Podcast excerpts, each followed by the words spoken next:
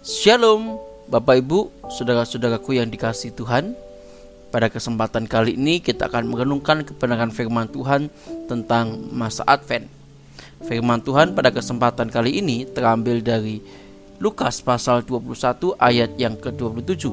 Demikianlah firman Tuhan.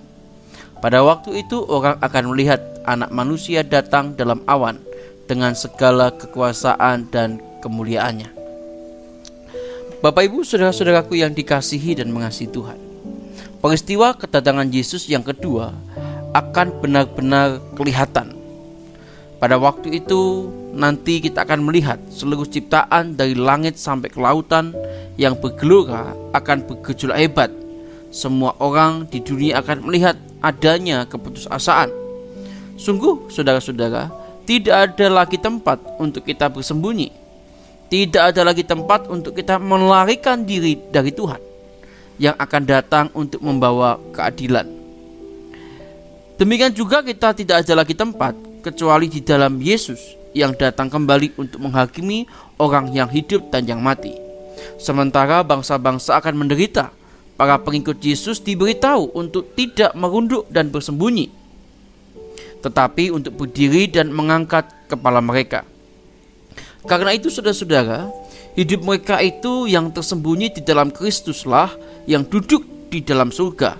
Mereka tidak perlu takut ketika Kristus datang kembali ke dalam dunia ini.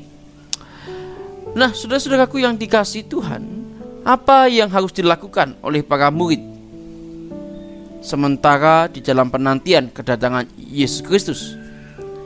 Kita yang dari latar belakang gereja tertentu mungkin mengharapkan panggilan untuk menginjili, memuridkan orang lain.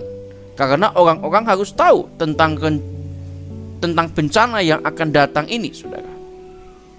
Dan ya, kita harus tahu kita yang dari latar belakang gereja lainnya mungkin mengharapkan panggilan mempraktikkan keadilan karena kita terpanggil untuk mengasihi semua orang yang Tuhan kasihi dan membenci segala sesuatu yang Tuhan benci. Dan ya, kita harus melakukan itu, saudara-saudara. Namun dalam spesifik, dila, namun dalam momen spesifik Lukas pasal 21 ini, saudara, Yesus memanggil para murid-muridnya untuk berhati-hati, berjaga-jaga, sebuah perangkap pegas atau seperti jebakan tikus begitu, memberi gambaran yang sesuai tentang akhir zaman yang tiba-tiba dan ganas ini, saudara.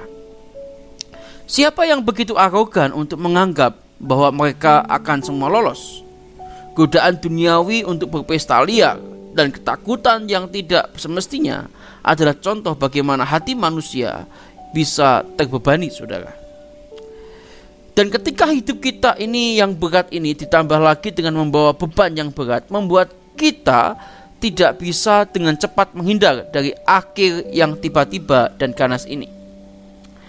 Nah, saudara-saudaraku yang dikasih dan mengasihi Tuhan, baik pelarian maupun kekhawatiran tidak akan dapat memberi apa pun yang dijanjikan Tuhan. Pelarian tidak membuat kenyataan itu pergi. Kekhawatiran tidak benar mempersiapkan kita. Nah, saudara-saudaraku yang dikasih dan mengasihi Tuhan, baik pelarian maupun kekhawatiran tidak dapat memberi apa yang dijanjikan. Yesus memanggil kita sebetulnya saudara-saudara untuk kita ini berjaga-jaga dan berdoa. Untuk untuk memperhatikan sungguh-sungguh dan sepenuhnya harus bergantung kepada Tuhan yang benar-benar akan datang nanti. Nah, saudara-saudaraku yang dikasih dan mengasihi Tuhan, Yesus ingin para murid-muridnya mampu berdiri di hadapannya saat itu dan ia akan menjawab doa-doa kita. Kiranya dalam masa Advent ini kita terus mengingat dan kita terus sadar bahwa pengharapan itu ada di tengah-tengah kita. Mari kita berdoa. Tuhan terima kasih untuk pengharapan yang Tuhan tanamkan dalam hidup kami. Dalam masa Advent di hari yang kedua ini kami belajar untuk kami serta merta terus punya pengharapan yang baru di depan Tuhan. Kami membutuhkan orang-orang pilihan Tuhan untuk mengajar, untuk memberitakan, untuk boleh melayani sesuai dengan kehendak Tuhan dalam hidup mereka. Kami serahkannya Tuhan untuk saudara-saudara kami yang boleh mendengarkan firman hari ini. Kiranya Tuhan memberkati mereka. Terpujilah nama Tuhan. Di dalam nama Tuhan Yesus Kristus kami sudah berdoa. Haleluya. Amin. Mari sama-sama saudara-saudara kita terus berjaga-jaga dan mawas diri supaya kita tidak jatuh di dalam pencobaan. Tuhan Yesus memberkati kita.